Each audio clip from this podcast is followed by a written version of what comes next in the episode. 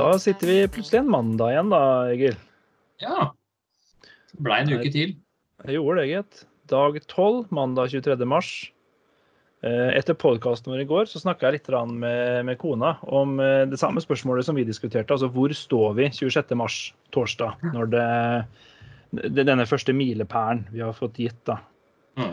Um, og vi, vi, var liksom enige om at altså, denne epidemien den, den, kommer enten vi vil eller ikke. Nå uh, har vi på en måte fått uh, hørt om uh, smittebekrefta i ja, la oss kalle det relativt nær omkrets. Altså, sånn at man på en måte ser at ja, det, det sprer seg jo. Um, så, så, vi på en måte vi, vi, vi, kommer ikke unna Altså, epidemien er her. Mm. Ehm, så jeg tok også, det, det, måtte jeg grave litt rundt, da, for um, jeg, vi var veldig enige om det. Jeg tror nok at vi på en måte uh, Altså, uh, nasjonen Norge slipper ikke unna. Vi ser jo at det er her. Og globalt spres det jo det, det raskt. Mm. Um, så jeg måtte grave litt i det her, og da fant jeg en ganske interessant artikkel på forskning.no, hvor mm. skal vi se, områdedirektøren for smittevern ved Folkehelseinstituttet ja. Eh, har, har, en artikkel som har ganske mange kommentarer med, med, litt sånn eh, Hva er det egentlig som skjer her? Fordi eh, Erna og myndighetene stenger ned landet ganske tydelig. Mm. Mens eh, smitteverndirektøren ved Folkehelseinstituttet i dette intervjuet, eller i denne artikkelen, på, eh, forteller det litt dumt, da, men det er ikke nødvendigvis den riktige måten å gjøre det på. Nei. Uh, og Det er litt, litt dette her med, med svenskemetoden, altså gå for flokkimmunitet eller ikke. Så da måtte jeg begynne å grave litt i det her. òg, for det var veldig mange personer som reagerte kraftig da, på, på denne artikkelen. og på en måte, altså Er det myndighetene som tar feil, er det dem som tar feil? Hvordan kan ja, ja. myndighetene si dette og FHI noe annet osv. Så, videre, og så, mm. så leste jeg artikkelen veldig veldig grundig. Uh, og ser jo at det ligger på en måte noen skjulte budskap der. da, at uh, han, Sånn jeg opplever den artikkelen, så sier han at det er ikke sikkert at denne nedstenginga nødvendigvis er den riktige måten å gjøre det på. Fordi det er to, altså du har to alternativer. Det ene er flokkimmunitet. Det mhm. andre er eh, å stoppe greiene så fort som mulig. Før du på en måte altså, får så mye spredning. Ja, og Hovedårsaken da, til hvorfor vi tar disse tiltakene vi tar, det er samfunnsmessig eh, viktig fordi at vi oppnår totalt sett færre døde. Mm. Det er punkt én.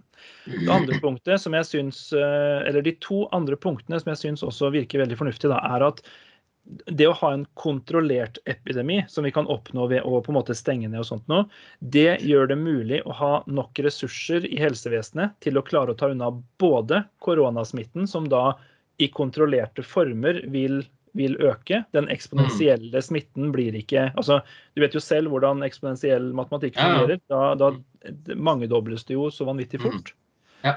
Um, så, så, da har helsevesenet ressurser til, til, både å ta korona samtidig som det finnes ressurser nok til å kunne ta de akutte andre behovene. Da. Ja. Mm. Uh, I tillegg så vil jo en kontrollert epidemi kjøpe tid i forhold til både å få effekt av immunitet, ja. Og ja. Eh, både finne og få bredt ut en vaksine. Mm. Så det er en form for tidskontroll, da, rett og slett, mm. som gjør at man får en del andre gevinster i sluttenden enn det man gjør ved flokkimmunitet, som krever mange flere dødsfall. Eh, hva skal jeg kalle det for noe? Altså, eh, kommer til, det kommer ikke til å gå over så fort, fordi at kontrollen er ikke der. Eh, dette vil da sånn, ja. gå, gå, gå, lenger på, på, flere mennesker over lengre tid vil jo da gjøre fordi at det på en måte har mange kropper å leve på. Ja. Mm.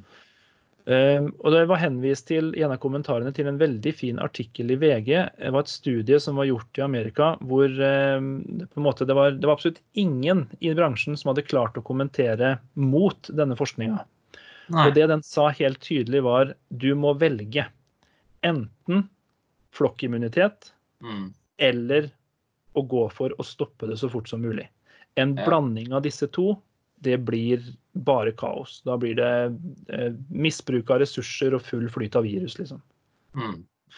Så det, det, når vi nå på en måte har valgt, eller myndighetene da har valgt å ta dette standpunktet om at vi stenger ned og vi prøver å begrense det og ha samfunnsressurser nok til å kunne ride av, mm. Så underbygger jo det eh, covidiot-begrepet for utepilsene vi snakket om i går. Det, det, er, det er lov å bruke det da, altså. Men hva, hva mente han at, eh, når vi, at vi, når vi først hadde begynt med det her, så fortsetter vi med det? Sånn jeg oppfatta det, så dro han fram gode, god argumentasjon for hvorfor vi har gjort det. Ja. Selv om han da som på en måte forsker og ekspert i fagområdet ikke nødvendigvis kan si at dette er den riktige metoden å gjøre det på. sånn, For det finnes jo Mm. faktisk to, to måter å gjøre det på. da. Ja, det er sånn. Eh, Og vi har jo også fått en annen grunn for å holde oss hjemme. da. For eh, i går så i Oslo og omegn ble bålforbudet framskynda. ah, Ja, så det betyr jo da at eh, pølsegrilling i Guds frie natur er jo nå heller ikke lov, da. det var litt trist. Ja, det er det jo. Og det, det er helt åpenbare årsaker. Det er såpass tørt nå. Vi har jo hatt noen dager med ganske fint vær her i sør. da, og Det har jo ført til at det har tørka opp veldig godt. og dermed så Ja, det er vel kanskje Mm. ikke noen sånne store skogbranner vi ønsker oss mest her i landet akkurat nå. Og så har vi fått, allerede fått svar på et av spørsmåla vi stilte i gårsdagen på podkast. Ah, så bra. For eh, eh, Bjørn Arne sendte inn en, eh, en sak her fra Språkrådet i forhold til dette med korona og K-en Ja. i Norge. Mhm. Eh, og av Språkrådet da så leser jeg at det bør uttales bokstavrett med lav eller lukket O. Noe av poenget med å skrive koronavirus med K er at vi har ordet korona fra før i norsk, bl.a. i solens korona. Og det betyr opprinnelig krans, og er tidligere tatt inn i norsk som en form av krone. Ja. Så da fikk vi litt, eh, litt litteratur i det også. vet du. Så ikke korona, men korona. Ja. og det, Den poengterer også dette i denne uttalelsen. Å si korona eller lignende på norsk er med andre ord litt som å si sofa for sofa. og de legger også Og det er feil! eh, Jeg spørs jo hvor i landet du er fra. Eh, de legger også til koronauttalen kan gjerne reserveres for ølmerket korona. Så de, de, de har forstått det norske språk, i hvert fall. Det er jo helt klart. Yes, det var, det var litt av lærdom. Vi skal ha litt lærdom til vi, eh, i dagens episode. For vi har jo kalt den for 'Penga ruler'. Ja. Eh, og det er rett og slett fordi vi har med oss en gjest eh, som jobber i bank, og kan kanskje forklare oss litt av hva dette har å si for økonomien. Ja. Så da setter vi vel like godt over til dagens gjest. Yes, Dagens gjest, vi har i dag med oss eh, Magnus, og du kan jo få si to år om deg selv, så vi eh, blir veldig kort kjent med deg også. Ja, jeg heter eh, Magnus Nygaard. Jeg jobber i bank. Jeg er, eh, jeg er gift og har to barn. En på seks år og en på ni år. Og ja, det er vel en god begynnelse i hvert fall. Ja. eh, interesser av eh, forskjellig art. Mm, Musikk blant annet. Så bra. Du er, du er innført i denne hjemmeskoleutfordringa du òg, da? Den, eh, den har jeg. Det, Ja. det er kona som tar, har tatt mye av den, men, eh, og godt er det. Men eh, det er, ja. Det er ikke lett å ha hjemmekontor med huset fullt av folk, nei. Nei, for du sitter hjemme og jobber nå? Ja, delvis. Jeg sniker meg litt ut på, på kontoret innimellom. På åtte tidspunkt, da, for å gjøre det riktig i forhold til korona. og Ja. sånt. Riktig.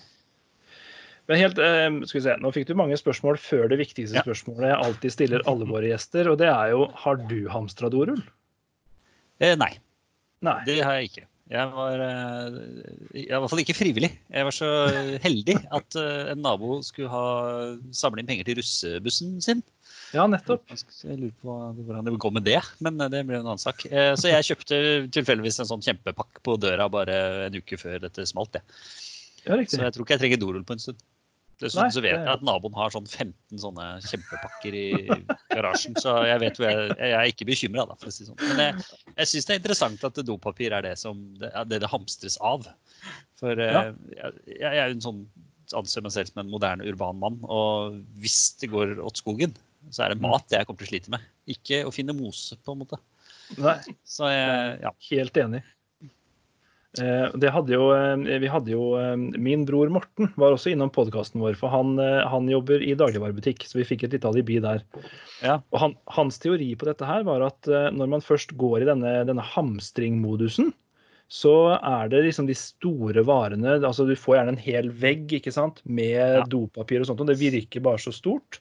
Så det, det er noe som man rent psykologisk bare tenker at å, det må jeg huske å på en måte ta med, disse mengdene. Vi må bare sørge for at vi har. Eh, Men det er jo du godt skodd, i hvert fall, med godt naboskap. Det er jo, det er jo kjempebra. og da, eh, Du jobber i bank, og vi har jo kalt denne episoden 'Penga ruler'. Ja. Eh, og Det er jo sånn delvis sant nå i, eh, nå i disse krisetider også.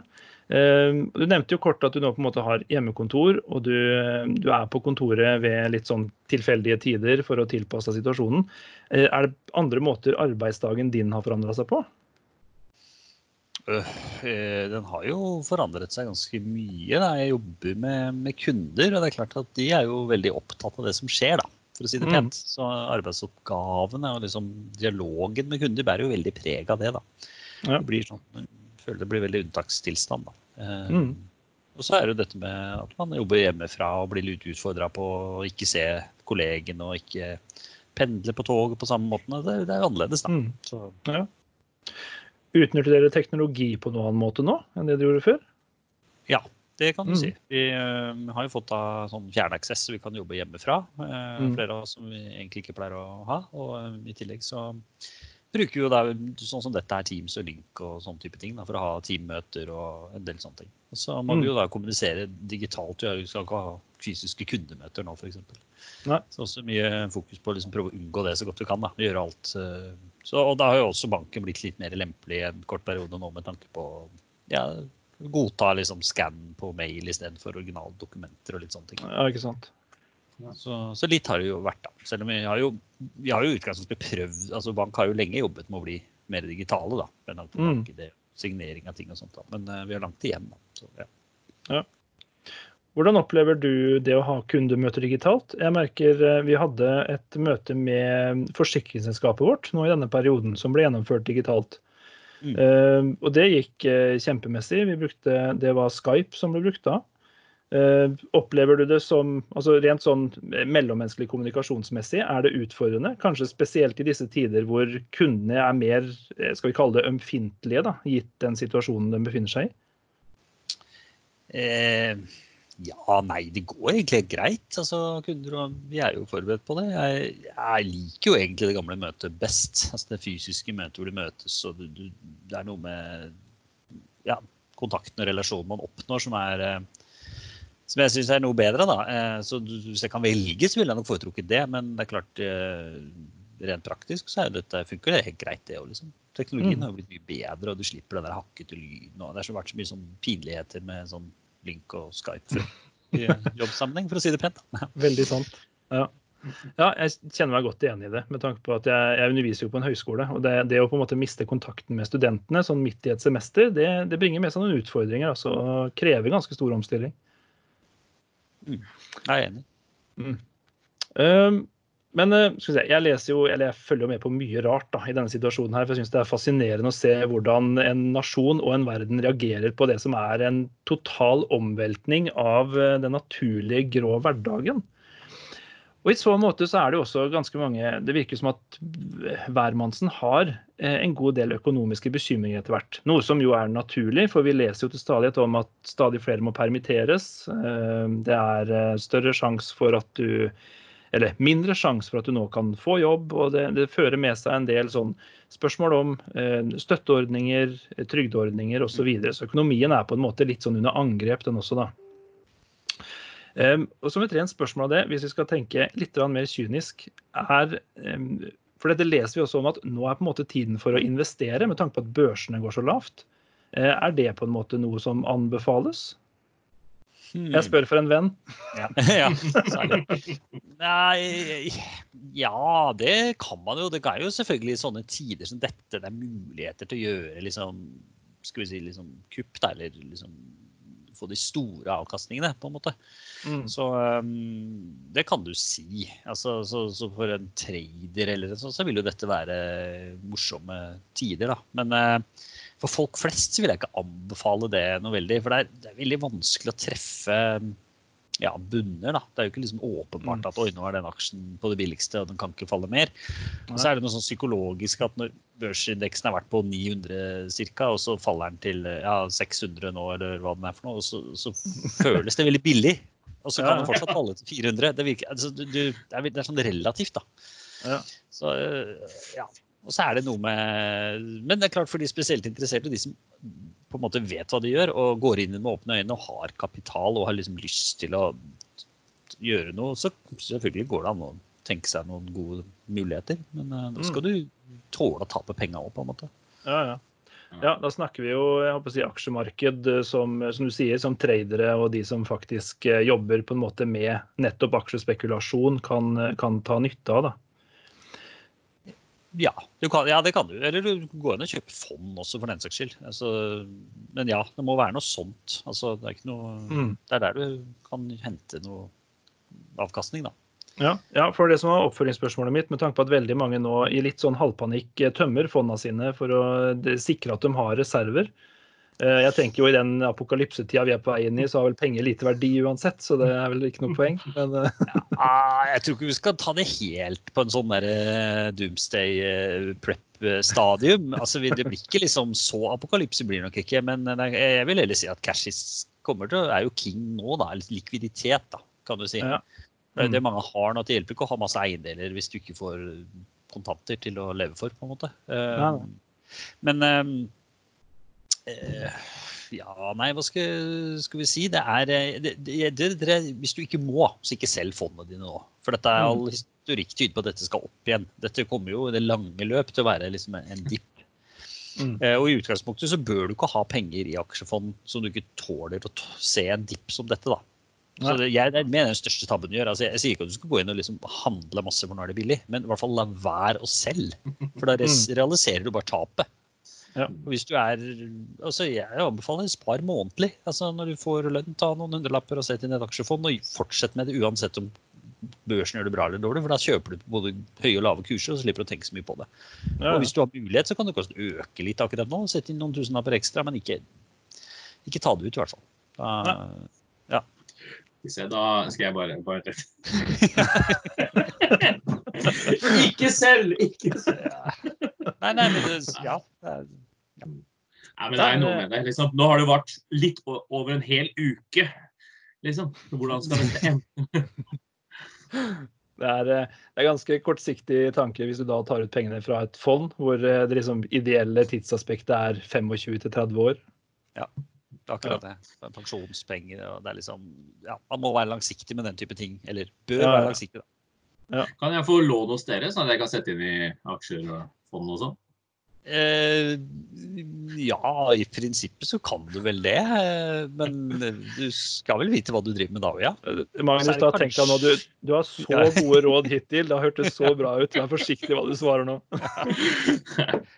Nei, altså, men eh, sånn finansteoretisk, da. Um, så på lang sikt så har jo aksjemarkedet gitt en høyere avkastning enn gjennomsnittlig lånerente. Så du kan si at hvis du noen gang skal lånefinansiere finansieringer, så må du i det minste kjøpe noe som har høy nok risiko, altså aksjer. Du låner ikke penger for å sette dem på sparekonto, men du kan låne penger for å sette dem i aksjefond, faktisk, hvis du tåler å tape. Så har du en forventet avkastning. Um, som er eh, over eh, null, da, for å si det sånn. På lang sikt, da. Men eh, det er noe med den lange sikten og aksjer. For aksjer kan falle 40% i år, og det kan falle 40% neste år også. Og likevel være innenfor normale bevegelser. Det, så du, det er litt sånn, ja. Det er ikke bare bare, det der. altså. Men det er jo en interessant problemstilling da, med tanke på at vi nå opplever at sentralbanken har faktisk senka renta to ganger på en uke. Så mm. kan jo faktisk eh, være lov å spekulere litt i. Det er jo sjelden man sitter i en situasjon som denne, da, hvor dette kanskje kan være såpass aktuelt. Altså, du kan, du kan få lånt billig, du kan få kjøpt billig på noe som faktisk eh, er forventa å gi avkastning, hvis du har, som du sier, muligheten til å, å leve med det og ha et langsiktig perspektiv. Ehm, ja. Jo, det kan, ja, det kan du si det. Så det noen, noen gjør nok det. Og de, de som har eh, kompetanse og kapital, eh, fremfor alt, Mm. eller låneevne, da. De vil Ja. kanskje vurdere å gjøre sånne ting. Men så er det noe med aksjer. Altså fra aksjer, Du har jo noe som heter selskapsspesifikk risiko, og det er litt sånn problematisk i disse dager. For det er, man- det er jo en del aksjer som eh, du risikerer går over ende. da. eh, Mm. gå på kurs, og da er det jo ikke noe igjen. Så er det noen aksjer som overlever og går videre. Da. Så det, Ja. Det er også vanskelig å vite hvem er, da. Men eh, ja. Mm. Ja, det blir jo litt det- for sånn for de for lite, Dette blir litt avanserte teorier i det, rett og slett. Ja da. Så, Um, når jeg sitter og leser, eh, eller det jeg leser om økonomi her, da, så, så sitter jeg for en litt sånn herre Om vi ikke skal kalle det for dommedagsfølelse enda, men så ser det jo ut som at det, det fort kan liksom peke mot at det er et eller annet form for økonomisk krakk eh, i, på vei her. Gitt alle permitteringer og alt man leser om. Det virker så negativt innstilt. Er det en, eh, er det en tanke jeg kan slå fra meg, tror du? Uh, hmm, godt spørsmål. Uh, det er noe med sånne økonomiske nedturer som er litt sånn Det er, litt sånn, det er mye psykologi. For det er ikke alt Mm. dette som er rasjonelt. Og da blir det litt sånn selvoppfyllende profeti. Akkurat som når Erna sa 'ikke hamstre'. Da er da folk begynner å hamstre. Og det, er liksom, det blir ikke krakk før folk tenker at nå blir det krakk. på en måte. Nei, nei. Eh, det, for det er veldig mye psykologi det der. For at, eh, det er det jeg tenker, Hvis alle holder hodet litt kaldt, eh, så bør dette gå greit. Fordi at sånn foreløpig Nei, men lockdown, eller altså nedstengingen foreløpig har vært da tolv dager, var det det du sa? Så Ja. Det, føles som vi har vært i mange måneder allerede. Man begynner å forskuttere en rekke scenarioer som skjer langt fram i tid, og begynner å forholde seg til dem nå. Og så tenker jeg det er litt tidlig, men det er klart tidsaspektet med å si.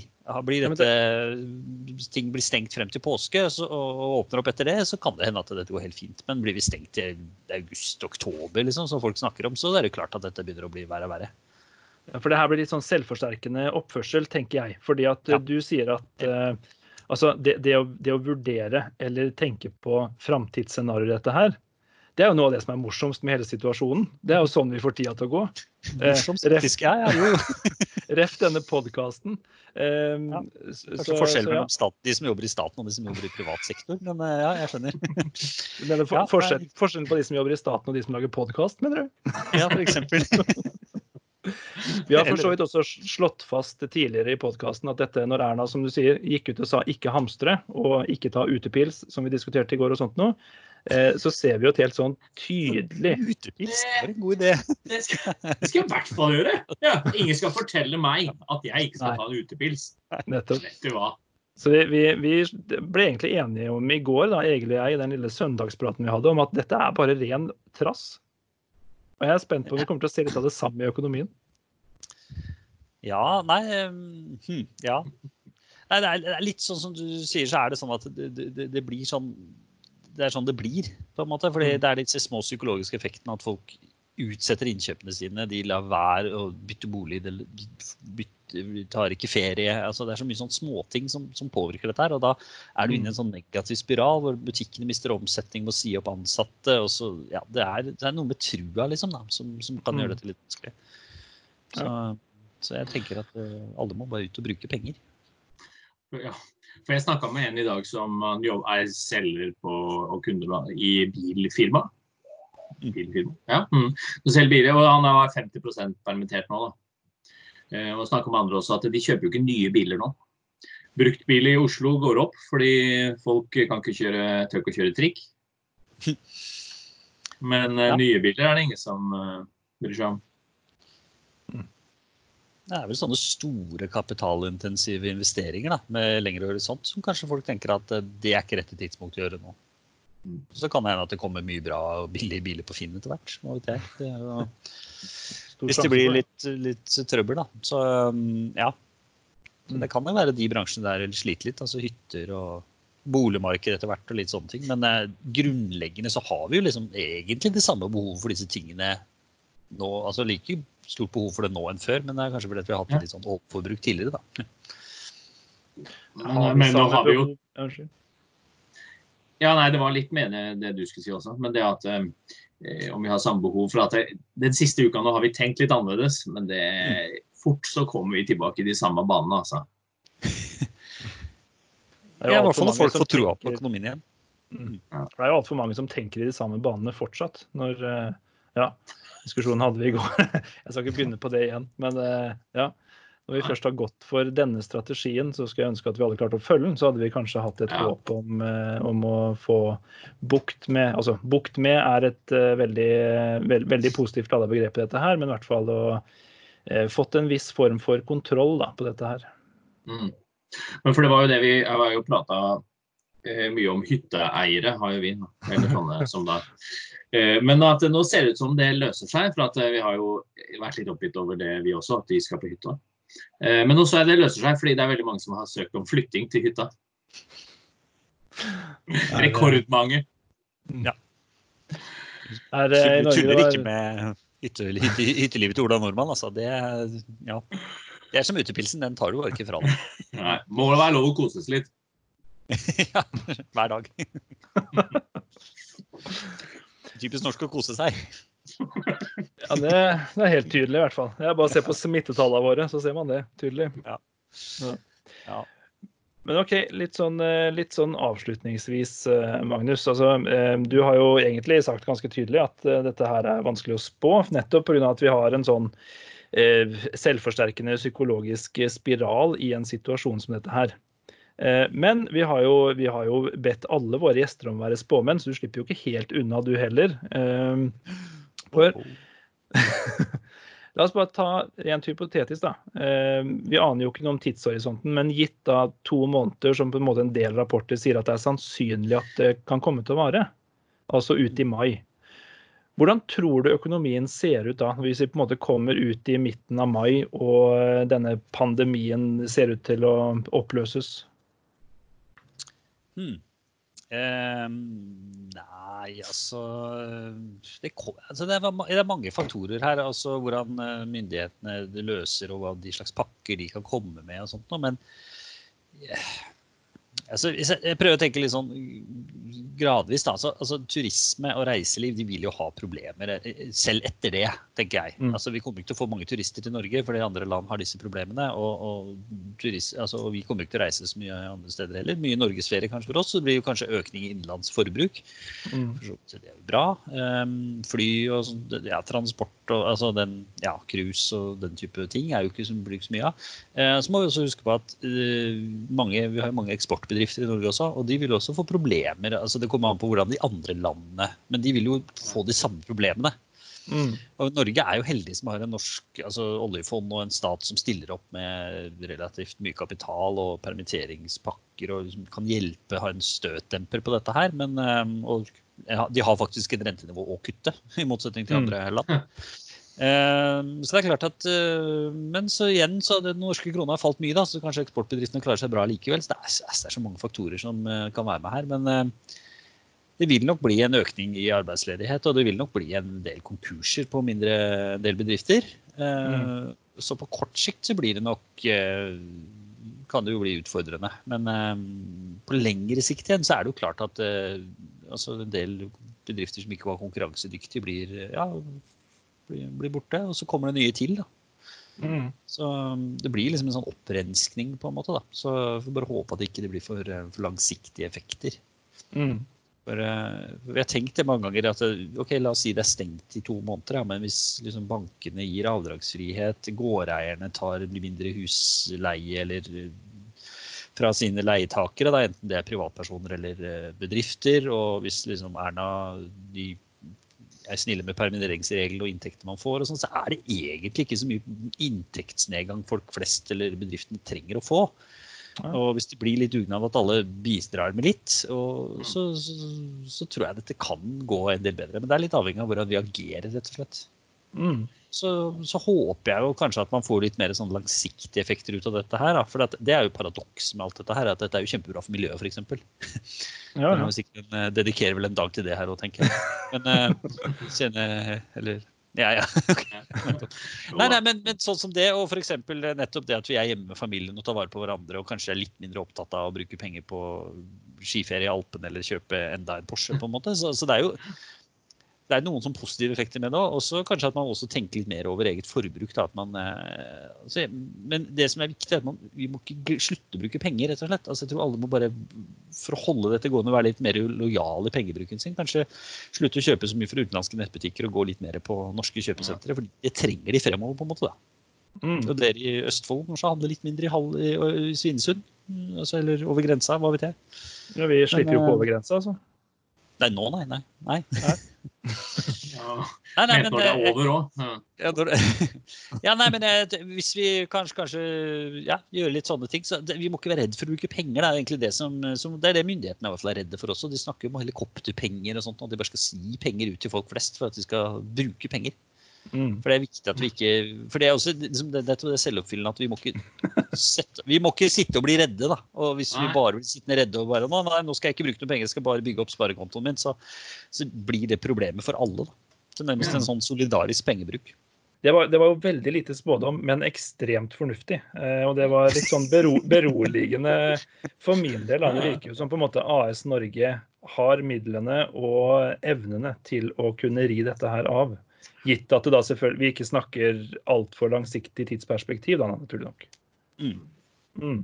Og så, ja, og så er det jo, kan det jo, er det jo problemet i norsk økonomi også at oljeprisen er så lav. Og det er egentlig ikke koronarelatert. Det er fordi eh, OPEC og Russland spiller Mm. hasard med oljeprisen. Så det er klart at det kommer ut med en X-faktor i tillegg. Så det er jo ikke sikkert det retter seg opp. Og det vil jo kunne bety mye for oljerelaterte bedrifter og, og den delen av landet som har mye inntekter herfra. da. Mm. Så, så det, er, det er ikke sikkert det blir bra likevel, selv om korona gir seg. Så det, det, det er liksom, det er mange faktorer her. da. Ja. Ja, ja. Så er det jo, kan det jo være at boligmarkedet også vil falle enn eh, noe, da. Nei, men det ser, eh, jeg ser jo mer positivt på det nå enn det jeg gjorde før jeg snakka med deg, Magnus. Så jeg setter veldig pris på litt oppklaringer og, og litt eh, fornuftige innspill her, altså. Det er helt supert. Jeg har fått svar på alt jeg hadde av spørsmål. Så med mindre du har noen sånn avsluttende remarks eller noe spesielt du vil ta med, så eh, ja. Nei, så det er som jeg sier, jeg håper at ikke dette varer eh, for lenge. For jeg er litt redd for at eh, du, konsekvensene for samfunnet ved å ha denne nedstengningen gående for lenge, egentlig blir større eller vel så stor som, som mm. de sykdomstilfellene det er. Fordi En av løsningene her er jo å komme opp i det vi kaller flokkimmunitet. At eh, 60% eller flere i Norge har hatt og blitt immun mot dette viruset. Mm. Det er jo kanskje dit vi egentlig skal, for da er vi jo egentlig ferdig med det. Eh, Ja, jeg håper at de, de ikke blir sittende med dette for lenge, for vi må prøve å komme tilbake til, eh, til samfunnet mens det ene er et samfunn å komme tilbake til. Da. For det, Mm. det kan bli for fæle konsekvenser for eh, mange bedrifter og ja, for mange hvis det, det varer for lenge. Da. Mm. Det er det eneste bønnen jeg har. Men, ja. Nei, men det er jo, eh, enn så lenge så er det jo torsdag 26. mars som er eh, tidspunktet vi har å forholde oss til, og det er jo ikke for lenge til, så da er det jo kanskje Nei, men det det er nok ikke sannsynlig at det er det er der. Men altså, jeg tror nok vi må etter hvert bare tåle og tolerere at nå, nå må samfunnet gå videre. Altså for, eh, fordi at Man skal ikke undervurdere de langsiktige konsekvensene. Det er lett å tenke sånn økonomi og tall, at ok, økonomien går dårlig og sånt, men eh, det er ganske mye forskning som tyder på at nedgangstider er ikke noe bra for verken mental helse eller selvmordsstatistikk eller den type ting. Så det kommer mye, mye dårlig folkehelse i dårlig økonomi, da, for å si det sånn. Absolutt. Vi, vi planlegger jo allerede en episode som eh, Vi har vel ikke gitt den en tittel enda, men den går jo litt bra på dette her med altså, eh, babyboom og samlivsbrudd. Kommer til å gå litt sånn hånd i hånd eh, etter denne krisa her, er jeg stygt redd. Da. Selvfølgelig, da går jo boligmarkedet Eller da blir jo mange som skal ha nye leiligheter. sånn. Ja, om ja, skilsmissene tenker du på? Eller eh, Ja, eller begge det. Det er jo 20 år til de skal ha bolig, da. Men Jeg, te- jeg tenkte skilsmissene. ja. Mm. ja. Jo, det er klart at eh, skilsmisser er bra for boligmarkedet, men eh, ja. Men det er jo ikke sikkert kjøpekraften blir så stor av det. du får ikke så mye bolig hvis du skal ut på boligmarkedet alene. Det er et eh, ja, Tenk dere om før dere skiller dere, i hvert fall. Det er ikke Fine avsluttende ord. Veldig bra. Øk økonomen Magnus Nygaard avslutter med 'tenk dere om før dere skal skille dere'. Tusen takk, Magnus. Det her har vært eh, kjempenyttig. Veldig hyggelig at du hadde ta en prat med oss. Det var hyggelig å være med. Ja, der syns jeg det var mye gode tips fra Magnus der. Jeg ble litt eh, beroliga på noen eh, områder. Ja, jeg er enig. Det var eh, veldig greit å få, eh, få liksom et, eh, en bankmanns innsikt i at vi tross alt har Vi bør ha evnen til å gi dette av hvis vi bare er litt fornuftige og, og bruker peng. ja. Da er det sosial um, pengebruk. Ja. Mm. Og ikke skille oss. Nei, tenke oss om før vi skiller oss. Ja, sånn var det, ja. Ja. ikke, ikke nødvendigvis ikke skill dere, bare tenk dere om først. Ja, det sånn var det. Ja. Apropos ikke det. Har du noe dagens med deg i dag, eller, Marius? ja jeg, har, eh, jeg har et par ting i dag òg. Eh, jeg så en Twitter-melding i dag som, eh, som, ga meg store håp eh, for denne medmenneskeligheten jeg til stadighet etterlyser. Ja. Der var det en Twitter-bruker som skrev Jeg har oversatt den til norsk for, for lytternes convenience. Ja, det er sånn. Snakk om selvmotsigelse. Convenience. Beleilighet er det norske ordet. El Salvador har utsatt all husleie, utgifter for vann, telefon, internett og strøm i tre måneder, og bygger et stort sykehus for å være forberedt dersom et stort utbrudd skulle skje. Det klarte mitt tredje verdensland å få til. Wow. Ja. Og så har vi en, da en amerikansk Twitter-bruker som svarer. Eh, og Der leser jeg på engelsk, for det høres så mye bedre ut. My boss told us that we should think of the health of the company first.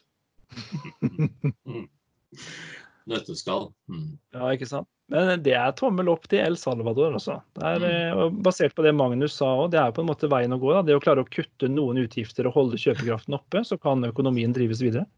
Ah. Um, og så hadde jeg jo et punkt som du allerede har nevnt uh, i, i, dagens gjest i intervjuet vårt. Da. Men dette her med mangedobling av folk som prøver å melde permanent flytting til hytta. Um, jeg har bare ett ord til det. Covidiots.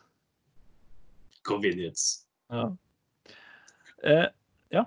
Men litt på det, så er det da at eh, det blir jo veldig greit når de flytter ut på hytta.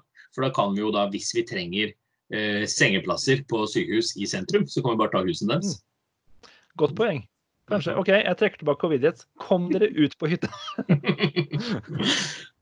okay, og så og dette, eh, Det tydelige tegnet på at folk begynner å bli litt lei. altså De, de gjør det riktige, men begynner å bli litt lei folk som ikke gjør det. Eh, Ja. en Facebook-post av eh, en amerikansk eh, bekjent av meg som starter med 'true story', så jeg velger da å tro at dette er en true story. Ok, vi gjør Eh, det. ja, jeg kan oversette den til norsk også. Eh, jeg dro til Walmart i dag for å kjøpe eh, kattegodis, for de hadde ikke mer menneskemat igjen.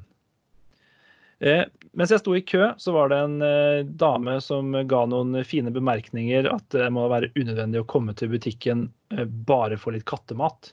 Mm. Eh, Så jeg fortalte dama at jeg måtte fete opp kattene mine før jeg spiste dem, fordi alle de rasshøla som var her, hadde hårda all maten. Da starta dattera hennes å gråte, og jeg følte meg ikke engang ille. Next time, mind your own business. Oi, oi. Det er bra. Ja. Det er litt, det er litt deilig òg, er det ikke det? Ja, det er det. Oi, oi, oi. Nei, men du, eh, skal vi gi, vi får gi lytterne våre en litt uh, sørgelig nyhet helt på tampen? Ja, det blir du nødt til. Ja. Eh, For nå tar vi oss en bitte liten podkastferie. Mm. Så, så i morgen så, så kommer det ikke en ny episode. Eh, Vi kommer fortsatt til å følge veldig nøye med. Vi kommer fortsatt til å lage episoder. Men eh, vi skal unne oss en liten ferie etter tolv intense dager med podkast og opp- og nedturer. Eh, Så vi er senest tilbake torsdag. Da må Mm. vi jo få sjekke hvordan det står til på denne milepælen. Mm. Og så skal vi høre åssen det har gått for deg tilbake på jobb. Ja, det skal vi. Ja. Og så eh, har vi allerede planlagt eh, temaer for en god del episoder framover. Så dette er bare en liten ferie. Eh, Nyt episodene som finnes så langt. Og til vi høres igjen, hold hodet kaldt og hjertet varmt. Takk for at dere hører på The Lockdown. Vi ses på hytta. Skal jeg ikke si det? Eh, nei. Eh, nå, nå stopper jeg innspillingen.